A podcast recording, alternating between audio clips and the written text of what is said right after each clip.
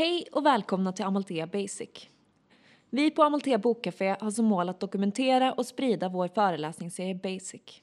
Vår förhoppning är att föreläsningarna ska täcka de viktigaste delarna av de teorier och praktiker som den autonoma rörelsen bygger på.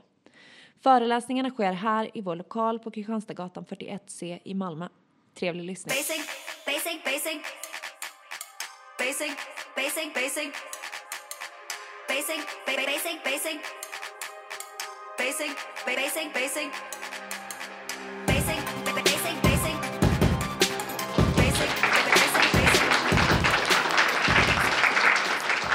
mm. Eh, får börja med att säga att jag är genuint chockad över att det är så många människor här som vill lyssna på Mark, eller om Mark Fisher eftersom han ändå är en ganska så perifer karaktär. Eh, jag upptäckte Mark Fisher utifrån en text han publicerade som heter Exiting the Vampire Castle. Är det någon som har hört talas om den texten? Nej. Eh, den var en ganska, så, ganska rasande angrepp på liksom deplatforming-kulturen som rådde i England under den tiden. Det här var 2016 eller 2015 han skrev den. Och sen backtrackade jag liksom och försökte hitta mer av honom.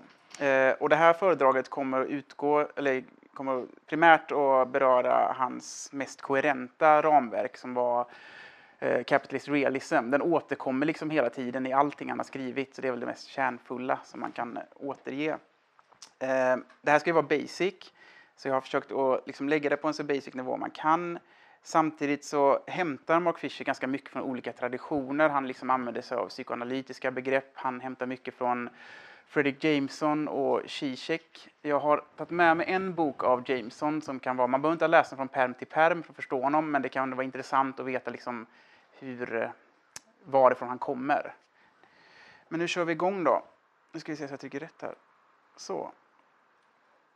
Um, I den här delen, det kommer vara en kort introduktion till K-punk, hans skriverier om populärkultur och lite vad vi kommer beröra idag generellt. Oj, det där skulle jag ha tryckt på innan. Attans. Kan jag gnissla tänder av det en natt när jag inte kan sova. Eh, ja, K-punk då, det var bloggen han använde, han sk- eller det var pseudonymen han använde mellan 2003 och 2015. Eh, det är ett jätterikt artikelbibliotek där. Den, eh, jag tror att den fortfarande är uppe, annars kan man hitta den via vad heter den, Wayback Machine. Litteratur då. Han gav ut Capitalist Realism 2008 som det här föredraget kommer att utgå ifrån. Ghost of My Life 2013 som handlar om dels depression och ett begrepp hauntology. Vi kommer inte beröra det begreppet idag, men det är intressant. Jag har med mig den boken. Jag tror att ni sålde den också, eh, så man kan bläddra lite i den. Weird and the Eerie kom ut 2016 och postumt så kom K-Punk 2018. Det är den jättetjocka boken där som har jättemycket artiklar från, eh, från bloggen och eh, eh, intervjuer och utdrag från Acid Communism som han aldrig hann färdigställa. Populärkultur, just det, när jag blir nervös så pratar jag ganska snabbt. Då kan ni vinka lite så kommer jag liksom dra ner på hastigheten. Eh, populärkultur, han skriver jättemycket om populärkultur och det är här han blir lite gubbig, speciellt när han beskriver musik för han, han är född 68 så han beskriver liksom hur postpunken, typ Joy Division, Nirvana etc. var de sista kulturyttringarna som, som inte föddes in i den kapitalistiska realismen, som inte var verifierade redan när de liksom formerades. Eh, han använder filmer som en analogi för den nyliberala utvecklingen och det här är återkommande i nästan allting han gör. Vi kommer ta upp lite exempel på det sen. Att han exemplifierar genom filmer. London skriver han väldigt mycket om. Eh, och då beskriver han London som det är en stad som har hemsökts av en framtid som aldrig uppfylldes. Han beskriver hur han går på Londons gator och passerar kvarter som nu är så gentrifierat att man inte känner igen sig. Men när han växte upp så var det eh, det var lagerlokaler där illegala rave förekom eller det var kvarter man inte gick in i om man inte höll vid ett visst fotbollslag. Och han menar ju på att det är liksom i, i sprickorna i den här fasaden som man kan se det här alternativa London och den här framtiden som aldrig, aldrig infann sig. Han skriver en del om fanzine också. Det är ett fanzine han har skrivit en del om som heter Savage Jesus som han beskriver som det är som en arkeologisk utfärd över ungdomskulturer liksom när de, innan de hade funnit sin fasta form och innan de hade verifierats. Han skriver en hel del om eh, nostalgi som ett substitut för kreativitet och det kommer vi återkomma till senare i föredraget men han beskriver nostalgi som, ja vi kommer till det, det blir en cliffhanger.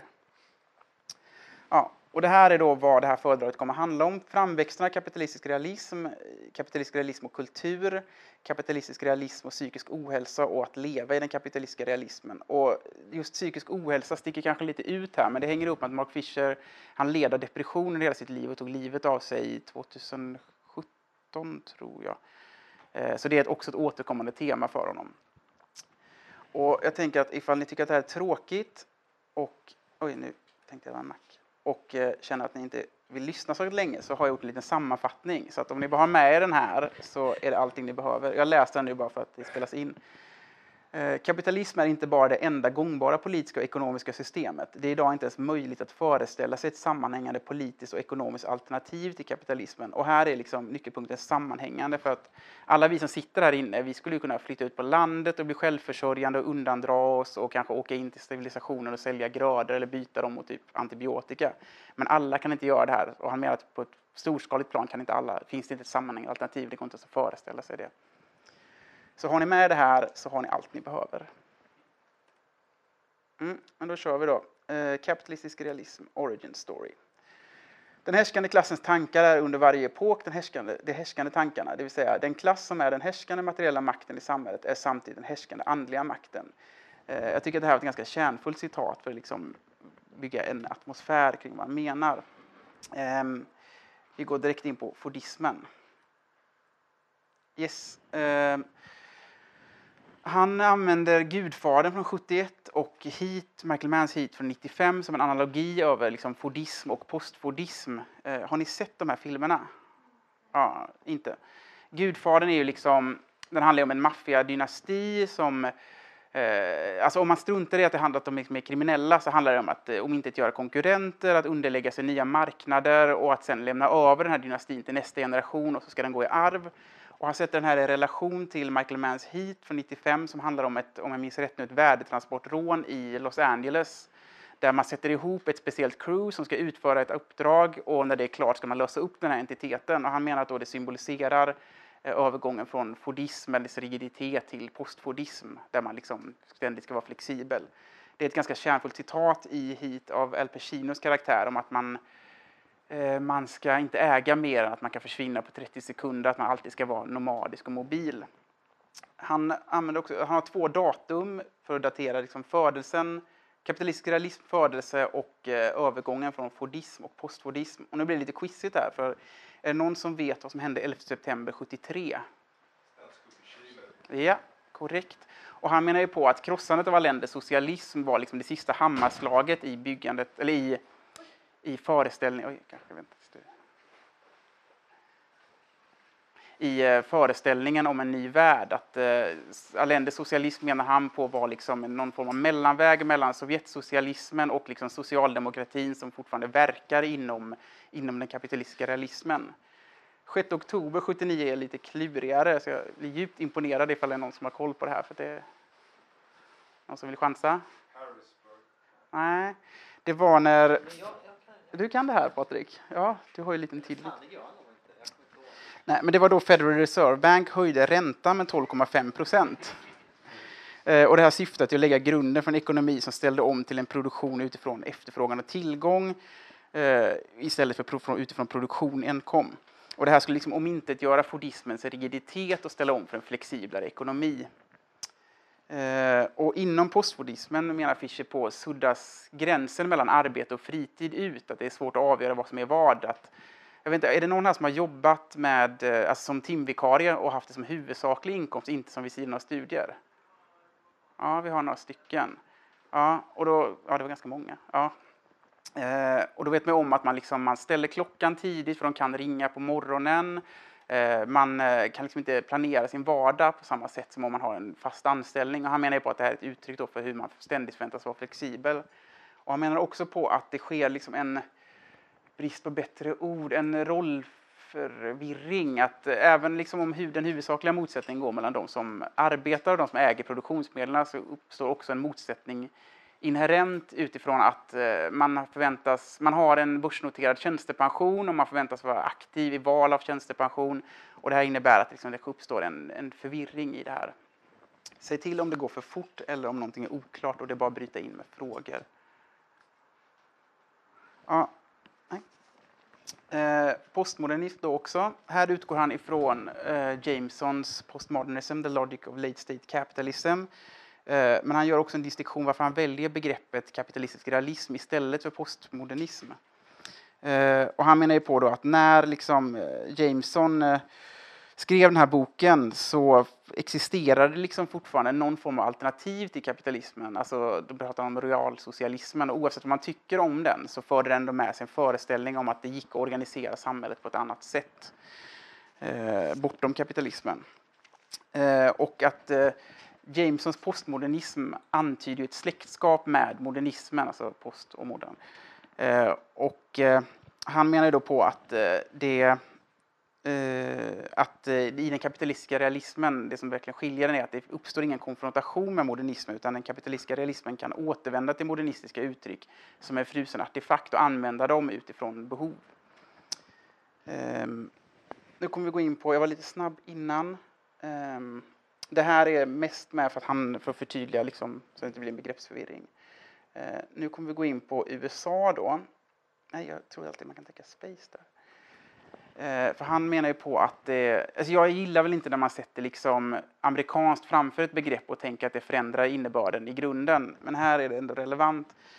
Eh, Fisher menar på, eller han går i samma fotspår som en kvinna som heter Wendy Brown. Han menar på att en amerikansk föregångare till kapitalistisk realism eh, utgjordes av giftermålet mellan nykonservatism och nyliberalism och hur den här alliansen syftar till att underminera den offentliga sfären och skapa en medborgare som sökte finna en lösning i sina livsbetingelser utifrån konsumtion snarare än politiska processer. Eh, och den här alliansen liksom utgick då ifrån att eh, nyliberaler avskyr den delen av staten som står för, för liksom en residual, alltså en välfärd. Eh, och nykonservativa menar på att, eh, att välfärdsstaten den, eh, den den tar ifrån människor deras individuella moraliska åtaganden och lämnar över dem på staten. Jag vet inte om ni har sett den här artikeln som var rätt nyligen i Fox News som hette How to talk to your children about socialism. Fantastiskt underhållande. Och den tog liksom upp att en av många anledningar till att ungdomar attraheras av socialism är för att de ser att människor, eller svaga grupper i samhället lider och att de behöver få stöd och att då staten ska göra det här. Medan då konservativa menar att ja, det är ju rätt att det finns människor som mår dåligt eller som som inte klarar sig, men det är inte statens uppgift att hjälpa dem, utan det här ska lösas genom typ filantropi, genom kyrkor, eller liksom att varje enskild medborgare har ett moraliskt ansvar som inte kan lägga över på staten. Eh, och det här blir lite ironiskt, den här alliansen, för att även ifall de liksom utifrån det här avskyr big government eller nanny state, jag har använt begreppet kärringstaten eftersom svenska högerradikaler har adopterat det begreppet, men nanny state antyder mer den omvårdande staten kanske. Eh, men samtidigt som de avskyr nanny state och de som är beroende av den. Känner ni till begreppet eh, welfare queens? Det myntades av Ronald Reagan på 80-talet och beskrev liksom svarta mammor i USA som gick på ensamstående mammor som gick på, på ekonomiskt bistånd. Eh, och det, här avskyn har ju rasistiska konnotationer men samtidigt som de avskyr liksom big government så har ju inte nykonservativa har ju inga problem med en, alltså att ständigt pumpa in pengar i militären eller militärisera polisen. Och nyliberaler har ju inga problem med, att, eh, med bank-bailouts i krisens fotspår. Eh, så det här är liksom enkom riktat till välfärdsstaten. Och då krisen 2008, eh, ska bara se vad jag skriver. Ja. Eh, för ursäkta. Ja, eh, den lyfter upp som ett exempel på när, när fokuset riktades på enskilda bankirer eller på finansbolag snarare än liksom på helheten. Eh, och att förlägga liksom skuldfrågan för krisen till en fråga om omoraliska individer eh, menar han på då är ett skydd för den kapitalistiska realismen. Eh, för jag tänker att eh, så här, ifall alla vi hade ersatt styrelserna i Lehman Brothers så hade ju inte det ändrat saker och ting för att eh, de här liksom bankstrukturerna fostrar ett hedonistiskt beteende som sedan reproduceras. Eh, och eh, det, det, det, centrala i krisen 2008 var att den, den avlegitimiserade inte den kapitalistiska realismen utan tvärtom förstärkte den den. För att i spåren av krisen så var det ingen som tänkte att men vi låter det här gå omkull. Eller väldigt många tänkte det, men de som bestämde tänkte inte att vi låter bankväsendet gå omkull. Utan man tänkte att det finns inga alternativ till det här. Vi måste liksom in och pumpa in pengar och lösa det här. Och följderna känner vi till att vinsterna de privatiserades och kostnaden socialiserades. Och då kärringstaten som libido. Eh, här ser vi ju ganska tydligt att Fischer rör sig liksom i en psykoanalytisk tradition utifrån val av begrepp. Men han menar ju på att, eh, att Big Government intar en särställning inom den kapitalistiska realismen och att dess funktion då blir livgivande. Detta eftersom eh, kapitalistisk realism inte får skulden eh, utan... Eh, nej, förlåt. Um, ska se här. Nej, här var det. Eh, ursäkta. Ja, eh, Fischer argumenterar för, liksom för att, eh, att i krisens spår så kunde man se hur man anlade ett moraliskt perspektiv på det här. Att man pratade om banksters och man pratade om, eh, om en stat som faktiskt inte kunde hantera det här. Eh, och att liksom när staten erbjöd banker allt friare tyglar eller liksom privatiserade vården och den inte fungerade som den skulle så skyller inte väljarna på, på liksom systemet utan man angriper staten för att den inte reglerar systemet. Eh, men den här försvarsmekanismen blir då tudelad för att som det visade sig så gick det liksom implicit att skylla på systemet snarare än individer när det fanns en faktisk möjlighet att lagföra individer. Nu ska vi se, jag ska inte trycka space. Kan du säga det igen? Vilket? Vad det sista om individer? Ja, ursäkta. Eh, alltså den här idén att, liksom att man inte skyller på, på systemets... Eh, att man inte ser de systemiska grunderna till krisen utan man istället skyller på individer. Att man liksom, att men det här var kriminella personer i... Eller det var banksters liksom. Eh, att den är tudelad för att när det fanns en möjlighet att faktiskt lagföra de här bankstersarna så då, då anförde man att men det här skeendet som ledde fram till krisen 2008 det var så komplext att ingen enskild individ kunde överse eh, konsekvenserna av det egna agerandet och därför kan man inte heller säga att det fanns liksom, eh, vad säger man på juridiska? Det fanns, nej, precis. Eh, det fanns liksom ingen varken intention eller oaktsamhet utan man kunde helt enkelt inte förutse det. Så därför var då det tudelat.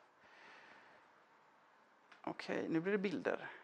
Um, It's easier to imagine the end of the world than the end of capitalism av Freddie Jameson. Eller, ja, den har ju tillskrivit ganska många, det citatet. Uh, yes. Är det någon som vet vilken film den här bilden kommer ifrån? Ja, The Thing, John Carpenters. Poäng. Eh, jag har valt den bilden utifrån att Eh, Fischer beskriver hur kapitalistisk realisms styrka vilar liksom i dess förmåga att underordna sig och subsumera all tidigare historia och dess förmåga att liksom sätta ett monetärt värde på all liksom mellanmänsklig kultur eller sexualitet. Eh, att liksom, det spelar ingen roll ifall det liksom är religiös ikonografi eller om det är liksom, eh, Karl Marx-t-shirtar, att den kan sätta ett värde på allting.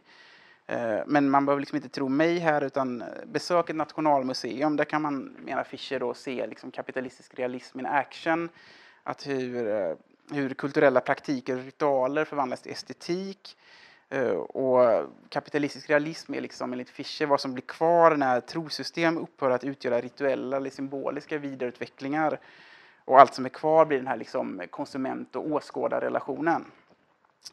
Och att transformera kultur till en fråga om normer, vidare till estetik, innebär att man går från engagemang till betraktande. Och Fischer menar då på att, att inta den här liksom ironiska hållningen, eh, att den immuniserar oss från eh, liksom radikalisering eller extremism. Och det här för tankarna till Deleuze och Guattari som han är väldigt inspirerad av, som beskriver liksom kapitalismen som en, en mörk potentialitet som kan hemsöka alla tidigare sociala system Ehm, och eh, det här menar då Fischer medför en, och nu kommer ett inte så basic begrepp som jag har svårt att uttala, en avsakralisering av kulturen. Ehm, och Fischer menar att kapitalismen styrs liksom inte av några transcendentala lagar och det kanske inte heller är önskvärt men att den kan vid behov, liksom vid ad hoc-basis, använda sig av dem och hänvisa till dem. Ehm, exempelvis kan man ju tänka sig Eh, Eh, ja, men new age-industrin är väl ett ganska bra exempel på det, där man inte bara köper en produkt utan man också köper liksom någon form av andlighet. Um, ska vi se här. Går det för fort så bara säg till. Mm. Um, den här bilden tycker jag är väldigt fin, apropå när man pratar om, om postfordismen och att leva liksom i det här flexibla helvetet så kan man ju länka tillbaka till fordismen och då tycker jag att hon i mitten där som tittar in i kameran hon visar så tydligt att det är inte så jävla gött där heller. Det här ska vara från strumpfabriken vid Mobilia. Ja, eh, nu gick det kanske lite snabbt där i början, men eh, eh Fischer har skrivit en del om den här filmen Children of Men. Har ni någon som har sett den? Mm, då känner ni till? Nej. Men det är inte så mycket en postapokalyptisk film som en, eh, vad säger man, pre- peri-apokalyptisk. Man får liksom genomleva apokalypsen i filmen och den grundar sig i att människor kan inte längre få barn och man får inte reda på vad det beror på. Eh, och Fischer menar då på att den här filmen berör en, liksom en grundläggande ångest som existerar i kapitalistisk realism. Eh, och att den här ångesten tar sig uttryck i symboliska och kulturella termer. Och Fischer tolkar den här filmen som att vad den säger är, eller vad han ställer, vilken frågan han ställer sig när han ser filmen är hur länge kan en kultur fortleva om den inte längre är i stånd att producera någonting nytt? Och vad händer med ungdomar om inte de kan producera kulturella chocker eh, Eh, eller överraskningar? Apropå det här att då inta en, liksom en ganska ironisk hållning till allting. Eh, han går ganska djupt in på det här och liksom funderar över eh, om en kultur som endast är kapabel att bevara och återblicka, om det överhuvudtaget är en kultur. Och Fischer menar ju då att nostalgi intar en särställning i kapitalistisk realism, både som en drog och som en tendens. Och den här nostalgin återfinns då i kulturproduktionen Eh, och kan skönjas i, liksom, eh, vad heter den Netflix-serien? Ehm, Stranger Things är ett sånt typexempel på det. En, en film som liksom visar upp ett, ett 80-tal som är så renpolerat och finputsat så att alla kan relatera till det, även personer som inte levde där och att det här blir en succéserie menar han på säger någonting om kulturproduktionen i kapitalistisk realism. Mm. Då går vi in på psykisk ohälsa. Uh, capitalist realism insists on treating mental health as if, it was, if it's, as if it were a natural fact like the weather. Och det här tycker jag är lite kul, det citatet, för att ja, men med klimatförändringarna så är inte vädret särskilt naturligt. Um, det här är nog den svajigaste delen av Mark Fisher utifrån att uh, det finns ju det här uttrycket, vad är man säger, hits too close to home. Att uh, man märker när han skriver om psykisk ohälsa att det här är en person som har lidit av det hela livet och som, han har inte riktigt den här skärpan som man har i andra fall och han tenderar nästan att liksom bli konspiratorisk stundtals. Men han menar på att i den kapitalistiska realismen så kan man besvara frågan om varför människor lider av psykisk ohälsa men inte hur det kommer sig. Alltså att man kan säga att det här handlar om, man kan se att det här handlar om individer som har en eh, onaturligt låg halt av serotonin. Eh, men man kan liksom inte svara på riktigt varför det, om det har uppkommit, varför det har uppkommit nu.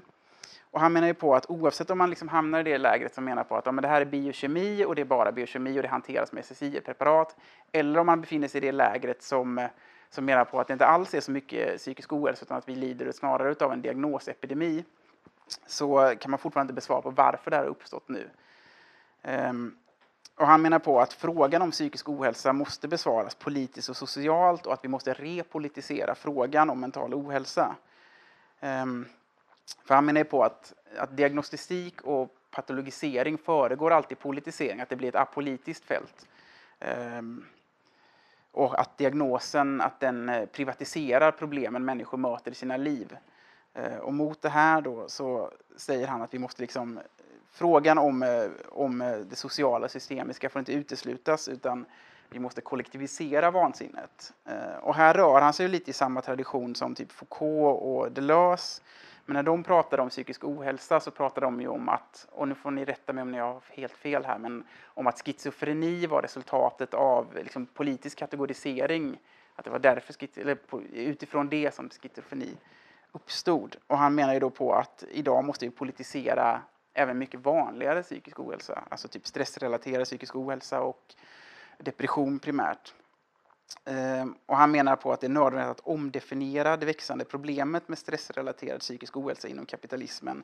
Och detta utifrån hur det så tydligt visar att kapitalismen istället för att vara det enda fungerande systemet i mänskligt lidande är det skyhögt att, att upprätthålla den här bilden utav att det skulle vara fungerande. Mm, Fischer menar ju då på att, att, att leva i den kapitalistiska realismen eh, det innebär ett stadigvarande krav att liksom konstant underordna sig själv en verklighet som är oändligt flexibel och kapabel att omdefiniera sig själv när helst den önskar och att den yttre världen, alltså verkligheten, eh, att den är likställd med en stridström av val där inget beslut är slutgiltigt. Att liksom var du arbetar, vad du har för diagnos, eh, din eh, utbildning kan liksom när som helst revideras eller läggas ned eller omdefinieras och omvärderas. Och att, att överleva i det här är det är att kunna överleva det här ställer krav liksom, på en adaption, att det är det enda möjliga sättet att, liksom, att fortleva i det här, liksom, i den här ständiga flexibiliseringen.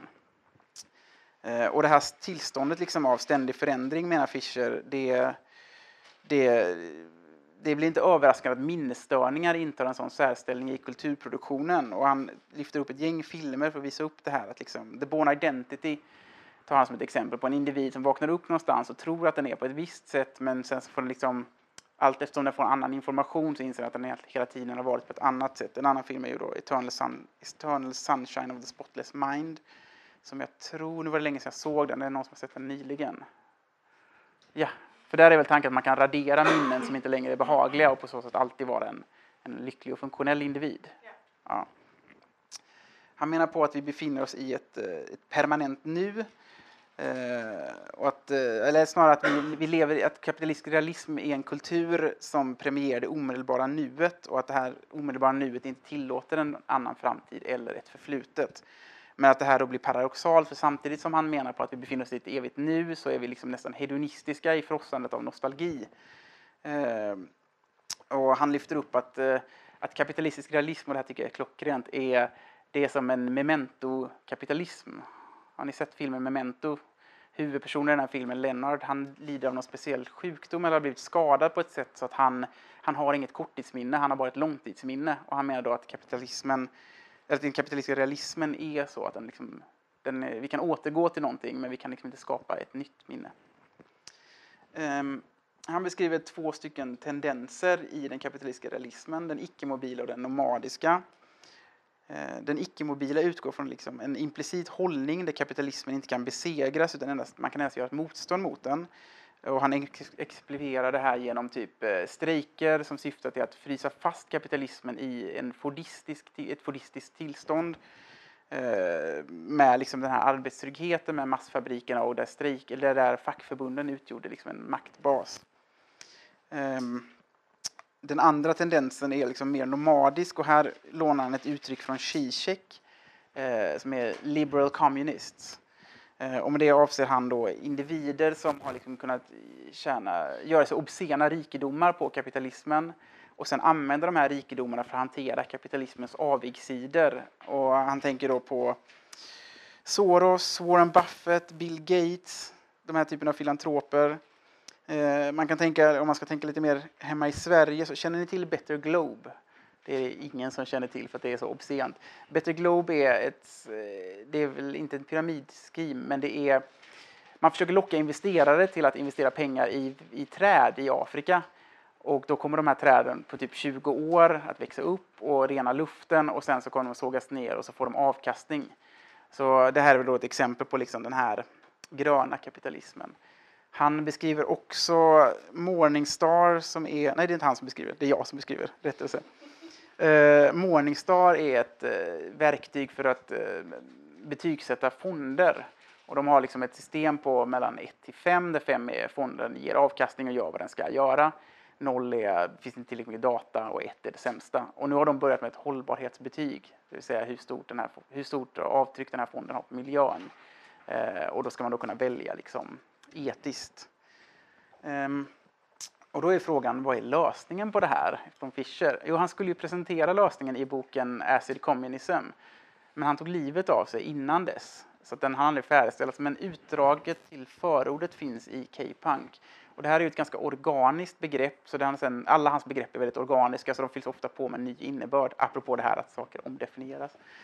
Eh, men, men det man kan läsa ut där är väl att han han antyder att, liksom att det viktiga är att avlegitimisera den kapitalistiska realismen och visa på att den inte alls är det enda, liksom, eh, den enda världen möjlig. Och att sättet att göra det här på, utifrån, det är utifrån min tolkning, det är att liksom hitta de här sprickorna, alltså de här sakerna, de här problemen som inte kan lösas inom den kapitalistiska realismen Eh, och sen liksom fokusera på dem. Och ett ganska konkret exempel, jag tänkte vi skulle diskutera det tillsammans, men jag tänker att miljöfrågan är ett sånt klockrent exempel på någonting som är överhängande och som inte kan hanteras inom ramen för det här systemet. Så, det var det här föredraget.